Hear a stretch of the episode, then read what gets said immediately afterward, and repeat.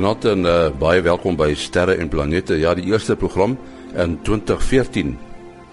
Ons gaan uh, wat hierdie jaar betref, uh, redeling tref dat u 'n uh, vraag na ons kan stuur. Wat u moet doen is stuur die vraag na my per e-pos en dit is by maas.henny@gmail.com. maas.henny@gmail.com met die telefoonnommer en ek sal u dan terugskakel en u vraag opneem wat dan in die program ingesluit sal word. En asseblief nie meer as een vraag per luisteraar nie. Die e-posadres maas.henny@gmail.com vir u vraag oor die ruimte. Vanaand het ons uh, die gewone span dit is uh, professor Mati Hofman en Willie Koorts. Maar ons het ook vir uh, eh, Dr. Japie van Sail van die Jet Propulsion Laboratory in Pasadena, Kalifornië. Hy gaan voortaan eenmal elke maand deelneem aan sterre en planete. So luister maar gerus en uh, hy sal gewoonlik die eerste Sondag in die maand sal hy deelneem. Maar voor ons verder gaan, hier is dan ruimte nuus wat geskryf is deur Herman Turin in Bloemfontein. Die son het die ou jaar afgesluit deur die omswaai van sy magneetveld sodat sy noordpool nou sy suidpool is en omgekeer. Die omruil van die son se pole geskied in siklusse van ongeveer 11 jaar, maar is laas in 1977 waargeneem. Hoewel die son se magneetveld tot ver ander kant Pluto strek en die ruimte weer geraak is, is so 'n gebeurtenis nie die einde van die wêreld nie. Tydens die hoogtepunt van die omruiling is daar ook meer sonaktiwiteit wat kommunikasie op aarde beïnvloed. Ook die aarde se magneetveld draai gereeld om, maar die siklusse beloop gemiddeld tussen 200 000 en 300 000 jaar. Die afgelope 100 miljoen jaar het dit so wat 170 keer omgeswaai en is nou weer besig om te verswak. Na raming sal die volgende omruiling oor so wat 2000 jaar geskied kompasnaalde sal dan suidwys. NASA het 'n video vrygestel om die omruiling van die son se magneetpole te demonstreer. Een van die opwindendste ruimteprojekte wat vir 2014 beplan word, is om 'n landingstuig Philae op die komeet 67P Churyumov-Gerasimenko te laat vasmeer. Die landingstuig is aan boord van die Europese Ruimteagentskap se tuig Rosetta Die landing word vir November 2014 beplan. Dit is nie seker hoe lank die landingstuig data sal kan versamel en versend nie, aangesien verwag word dat die tuig se sonkragselle binne 'n paar weke tot 'n paar maande te vol stof sal word. Intussen het die aarde vroeg in die nuwe jaar weer besoek van 'n asteroïde ontvang. Die rots wat na raming so wat 120 meter in deursnee is, is op 3 Januarie so wat 3 en 'n half maal die afstand van die maan van die aarde af verby. Dit is op 23 Desember 2013 ontdek. Tot sover ruimte nuus wat geskryf is deur Herman Turin in Bloemfontein. Daar sê vir die eerste maal in 2014 praat ons met Kobus Olkers. Uh, hy is ons uh, sonkyker daar in Florida, Amerika en hy hou vir ons die son dop. Uh, hoekom is dit belangrik om die son dop te hou? Beïnvloed dit die mens, uh, Kobus? Ja, goeienaand Jenny en vir jou ook en vir ons luisteraars 'n baie wonderlike en geseënde nuwe jaar. Ehm um, die son is 'n uh, eh, het nou al hierdie ontploffings en hulle die korona gehad en die filamente en so en so wat wat doen elkeen van hulle nou eintlik? Ehm um, kom ons kyk nou maar eers na die die mees hooglopende goed hierdie korona massa uitbarstings die, die sogenaamde ontploffings of flares soos die mense hulle ken die goed soos wat ons vroeër in die week gehad het, het 'n redelike massiewe klomp uh gelaaide partikels wat in, in ons koers kom wanneer hulle so ontplof. Ons het byvoorbeeld vroeër hierdie week het ons 'n protonstorm gehad rondom die aarde. En die enigste mense mense wat daardeur beïnvloed is is die is die ruimtemanne by die ruimtestasie of as dan nou iemand op pad Mars toe was of maan toe was of so iets, sou hulle nou erg beïnvloed word. En dit is natuurlik die grootste probleem vir vir NASA is om om die tipe mense af te skerm. Maar vir ons hier op aarde, tensy ons een van hierdie historiese supervakkels kry, word ons nie regtig beïnvloed nie. Ehm um, ons het in 2003 'n baie groot vakkel gehad wat as jy op die strand was reg onder die son terwyl die ding afgegaan het, dan sou jy nogal 'n redelike uh klompie lig gekry het. Maar die goed kan ons gewoonlik sien kom en ek sal ons ons luisteraars waarsku. Al die ander goed. Die koronagate, die filamente, die hydervakkels, al die soort van goed beïnvloed ons ons tegnologie, maar nie vir ons nie. So dit is baie belangrik vir die mense om te weet. Hierdie is baie interessant en dit kan ons lewens nogal redelik suur maak wat ons GPS aanbetref, wat ons langafstand kommunikasie aanbetref, ons internet, ons selfoon oproepe dis soort van goed om wat die mens self kan nie beïnvloed word nie. Goed, hoe hoe hoe gaan die son homself gedra die volgende week of so? Ja, ons het daarom nou juist weer 'n bietjie uh, twee besige areas in die suidelike halfrond baie kompleks magneties.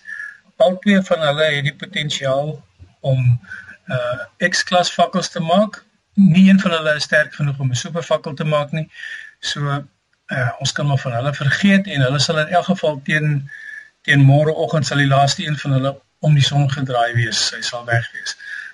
Dan het ons 'n redelike groot koronagat wat, wat ons heidaglik beïnvloed. Al ons amateur radioluisteraars is al weet daarvan want die die frekwensies is op die oomblik redelik versteur en is baie raserig of as mense nou lang afstand kortgolf uitsendings wil luister, hulle word ook beïnvloed deur hierdie koronagate se uit uh, uitblaasery van so 600 km per sekonde. Ons het nie 'n enkele filament op die oomblik op die son wat wat lyk asof hy onstabiel kan wees nie. So alles en alles is dit net die net die koronagat wat nog so tot donderdag toe vir ons sal sal besig hou en dan die res van die week lyk dit asof dit ehm um, kan stillerig wees. Goed koop as jou besonderhede. Dis weer SMS'e alleen asseblief die mense wat probeer bel sal net uh vasdraai want my telefoon is op op SMS roaming. So dit is 083 264 8038. Dis 083 264 8038. Daar sê Kobus Olkers in Florida in Amerika.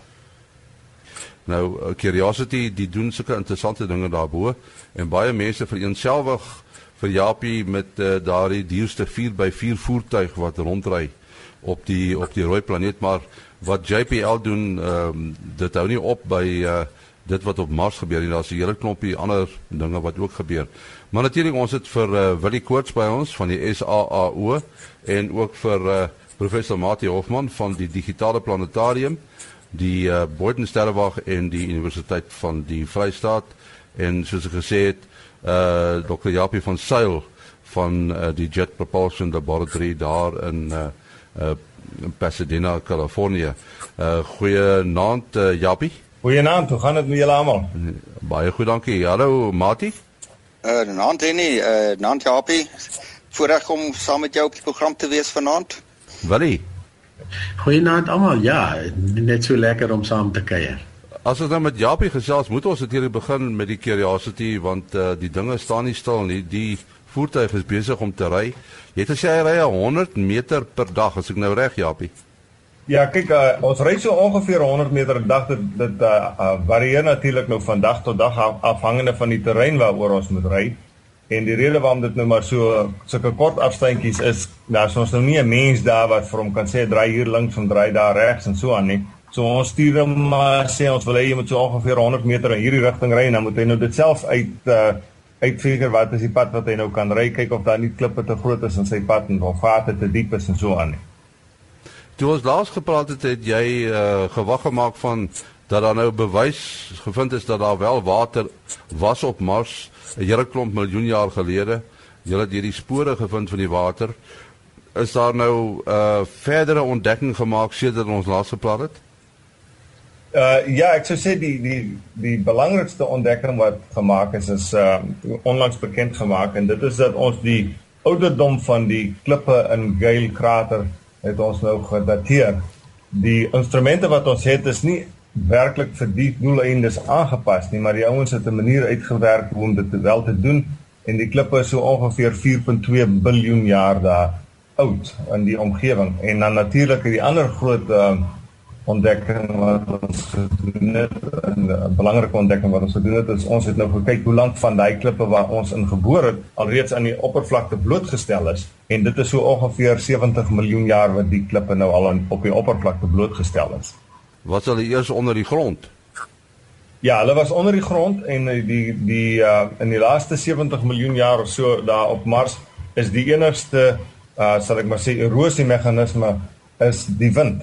So die wind waai nou maar stadig maar seker dele van die klippe weg en dan so ontbloot jy nou maar nou die onderste onderste deel van die klip. En so dit is nou ongeveer 70 miljoen jaar wat die spesifieke klippe waar ons die gate ingeboor het alreeds uh, uh op die oppervlakte is. Ek het 'n berig gesien dat uh, Curiosity se bande, die sê nogal les op uh vanweë die rowwe terrein. Is dit so? Ja nee, kyk die die wiele is natuurlik uit aluminium gemaak, nê, nee, om omdat ons kan 'n bietjie gewig spaar en so aan op die manier. En hulle is nou nie te verskriklik dik gemaak nie, want uh, hulle is mos maar net oppervlakte verskaf as ons oor sand ry, want dit is ons vorige keer wat ons agtergekom, dit is ons grootste probleem dat ons dalk in die sand kan vasval. Net so terloops toe ons laaste in die sand vasgeval het, het dan natuurlik baie Namibiërs vir my e-mails gestuur en ge aangebied om die kar te kom uitry daarvan.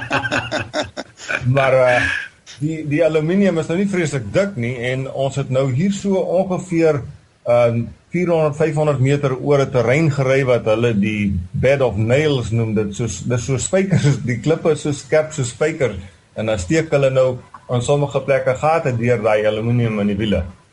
Ja. So dit was nou maar 'n bietjie uitgedraai. Dis natuurlik nou omdat die die uh voertuig is natuurlik baie swaar. Hy weeg 'n ton natuurlik en so alhoewel jy nou redelike groot wiele het, en as die wiele nie baie dik is nie, jy kan jouself dink as die klippe skerp is met 'n ton gewig bo op 'n dun stuk aluminium, dan kan 'n dan kan 'n klip daar deursteek. So toe het ons nou gelukkig dat ons nou met die kameras agtergekom. Jy weet, uh, sal ek maar sê as ons so selfportrette neem met die met die van die wiele en so aan ons agtergekom, daar is nog gate in sommige van die wiele en toe so maar bietjie daar weer uitgery en nou soek ons maar bietjie makliker plek om te ry.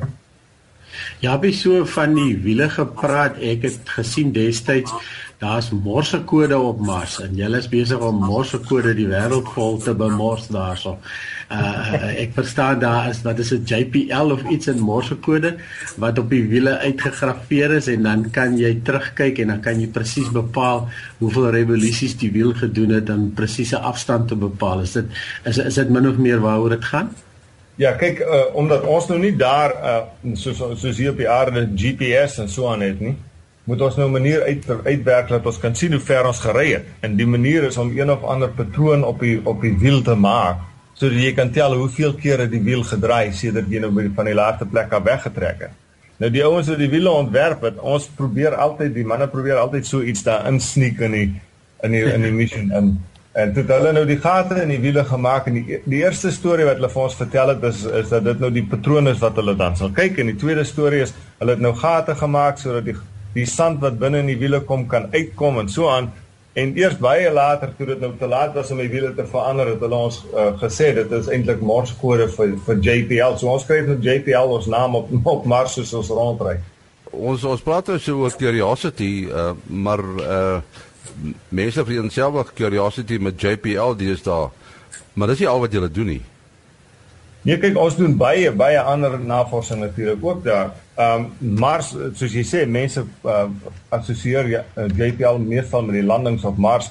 Ons het natuurlik uh, 'n uh, satelliet wat om Saturnus gaan en die maane van Saturnus baie deeglik bestudeer in die ringe en so aan. En daar's natuurlik baie interessante ehm um, ontdekkings in, in uh, op onsself daar gemaak.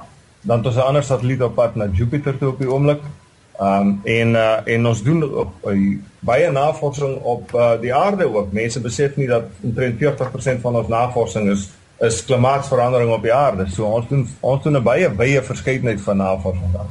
Die navorsing waarna Japie nou verwys wat hulle op die aarde uh, doen, is dit uh, dan veral met behulp van satelliete wat om die aarde wentel of is dit uh, maar meetstasies uh, en so meer op die oppervlak van die aarde self?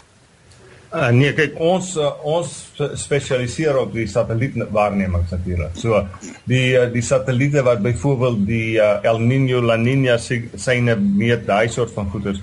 Dis alles ons satelliete daai. Ek het nou onlangs gelees dat uh, Curiosity 'n bepaalde mypaal bereik uh, deurdat sy laserinstrument uh, sy 100 duisendste gaatjie in 'n in 'n rots op Mars geskiet het. Uh, nou die instrument uh, fascineer my nou nogal want dit stel die Curiosity in staat om nie net direk hier om te kyk nie, hy kan so 'n paar meter verder ook kyk. Uh, ek sou graag van van Jabie wil hoor uh, presies hoe werk hierdie instrument. Ek dink die luisteraar sal dit ook interessant uh, vind en so 'n bietjie spesifikasies oor so laser. Hoe kragtig is hy?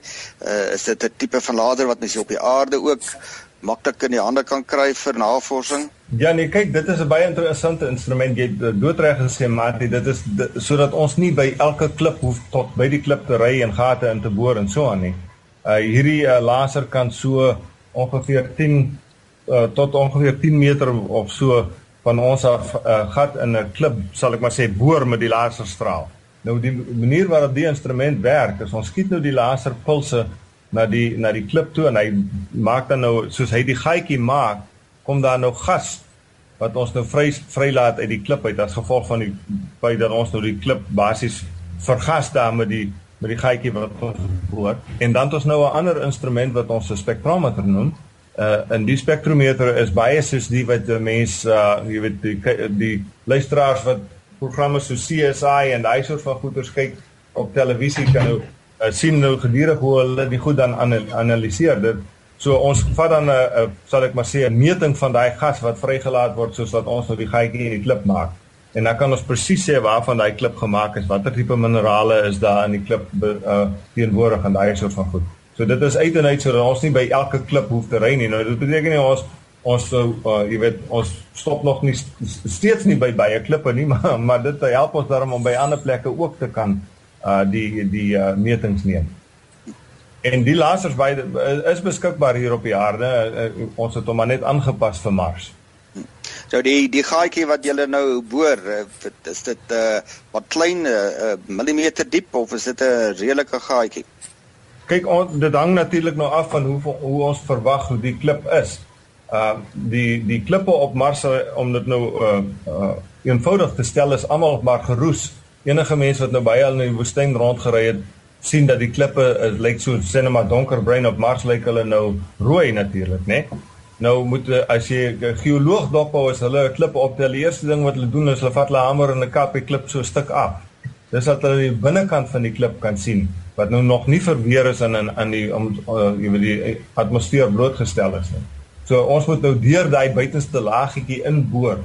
En sommige klippe is dit net so 'n millimeter of so. Uh sommige klippe moet ons so 'n paar millimeters inboor. Dit is net so 'n paar millimeter as ons aan die binnekant van die klip. Dit was my interessant hoe jy sê dat uh, julle deesdae nog al 'n hele entjie kan ry uh, met die met hierdie marskarretjies. Ek onthou ek het destyds 'n lesing bygewoon met die destydse Pathfinder, die heel een van die eerste karretjies daar en uh, toe die persoon daar verduidelik dit is 'n verskriklike proses hoe hulle elke bewegingkie amper dit my amper soos programmering geklink waar jy moet sê gaan 3 mm die kant toe draai jou wiele in daai rigting ry 2 cm vorentoe draai en dan hulle selfs 'n lands 'n landskap wat uh, die kameras vir hulle sê het hulle in die uh, uh, daarby JPL gebou en 'n uh, regte karretjie en dan het hulle nou eers voor die tyd al die bewegings uitgewerk en dan laat hulle hom so 'n paar meter ry op 'n dag. So dit klink vir my van daai tyd af tot vandag het julle baie bygeleer in die sin van dat die karretjie nou sy eie besluite kan neem en kan self sien hier is 'n klip in sy pad ensovoorts. Ja nee, dit is waar. Ons het uh, natuurlik uh, baie geleer. Uh die die uh sagte ware wat ons nou het, die programmering wat ons nou op die op uh, Curiosity het. Uh ons het spesiale kameras voor en agter aan die aan die vaartuig wat hy dan kan stereo foto fotos neem. Dis so jy weet van van twee verskillende hoeke af. En met die fotos kan 'n mens dan 'n driedimensionele prentjie bou van wat voor die voor die rover is of wat agter die rover is. En daarvolgens kan jy natuurlik nou sien hoe groot is die klippe. Die rover weet natuurlik hoe hoog hy is. So hy kan nou dan self sien of die klippe te hoog is om sal ek maar sê wydsbeen oor hulle te ry en as hulle te groot is dan weet hy hy moet nou links draai en dan weer voor regs draai. So ons elke dag bou ons so 'n kaart van wat die terrein voor die ehm um, voor die rover lyk in die rover homself en dan besluit hy nou waar om te draai en so aan. In die dae van Pathfinder was ons nou nog nie so gesofistikeerd met die goed nie en hy was ook baie kleiner natuurlik. So elke klein klippie vir Pathfinder was natuurlik 'n groot probleem. Ja, want dit is ongelooflik want dis nou 'n baie duur karretjie soos Henny gesê het en jy wil nou nie die karretjie omkeer. Jy moet die persoon wees wat die wat die wat die wat die command gegee het gery vorentoe en dan mag mag jy nie gery het nie. Ja, so mens kan nogal dink dit is ongelooflik en dit is eintlik ongelooflik dat, dat jy nou soveel intelligensie aan die karretjie toevertrou deesdae om om dit sommer self te doen. Ja, ongelooflike vooruitgang. Maar jy maar soos jy ook gesê het, jy weet van van Pathfinder wat ons die die die terrein gebou het by JPL. Ons het natuurlik nog steeds wat ons noem die Mars jaar by JPL. Hy's nou 'n bietjie groter natuurlik.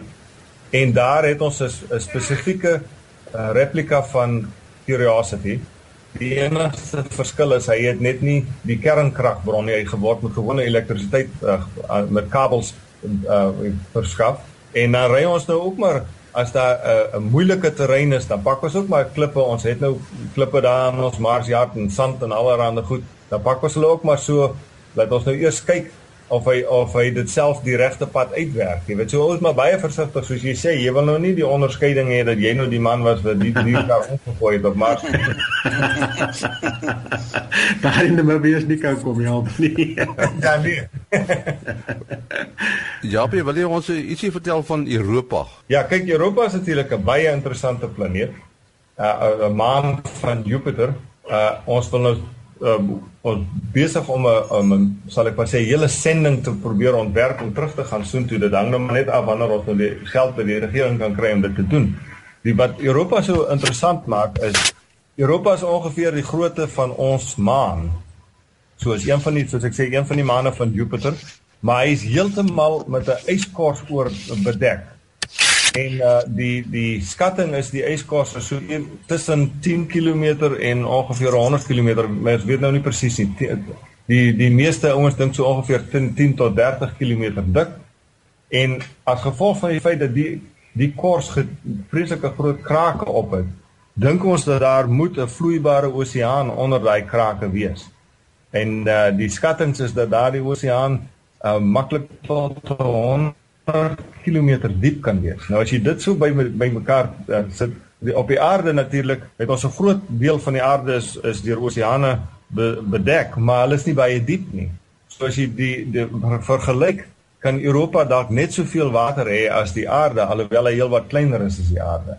En ons is natuurlik nou baie geïnteresseerd om te gaan en te gaan kyk of 'n mens nie dalk een of ander manier 'n gat daar deur die ys kan maak en dan in die oseaan onderkom om te sien of daar dalk ehm um, jy weet wat daar aangaan of daar dalk uh, enige lewe daar in die in die oseaan is onder die ys op Europa nie. Maar uh, hoe gaan julle uitkom by hierdie oseaan as die ys so dik is?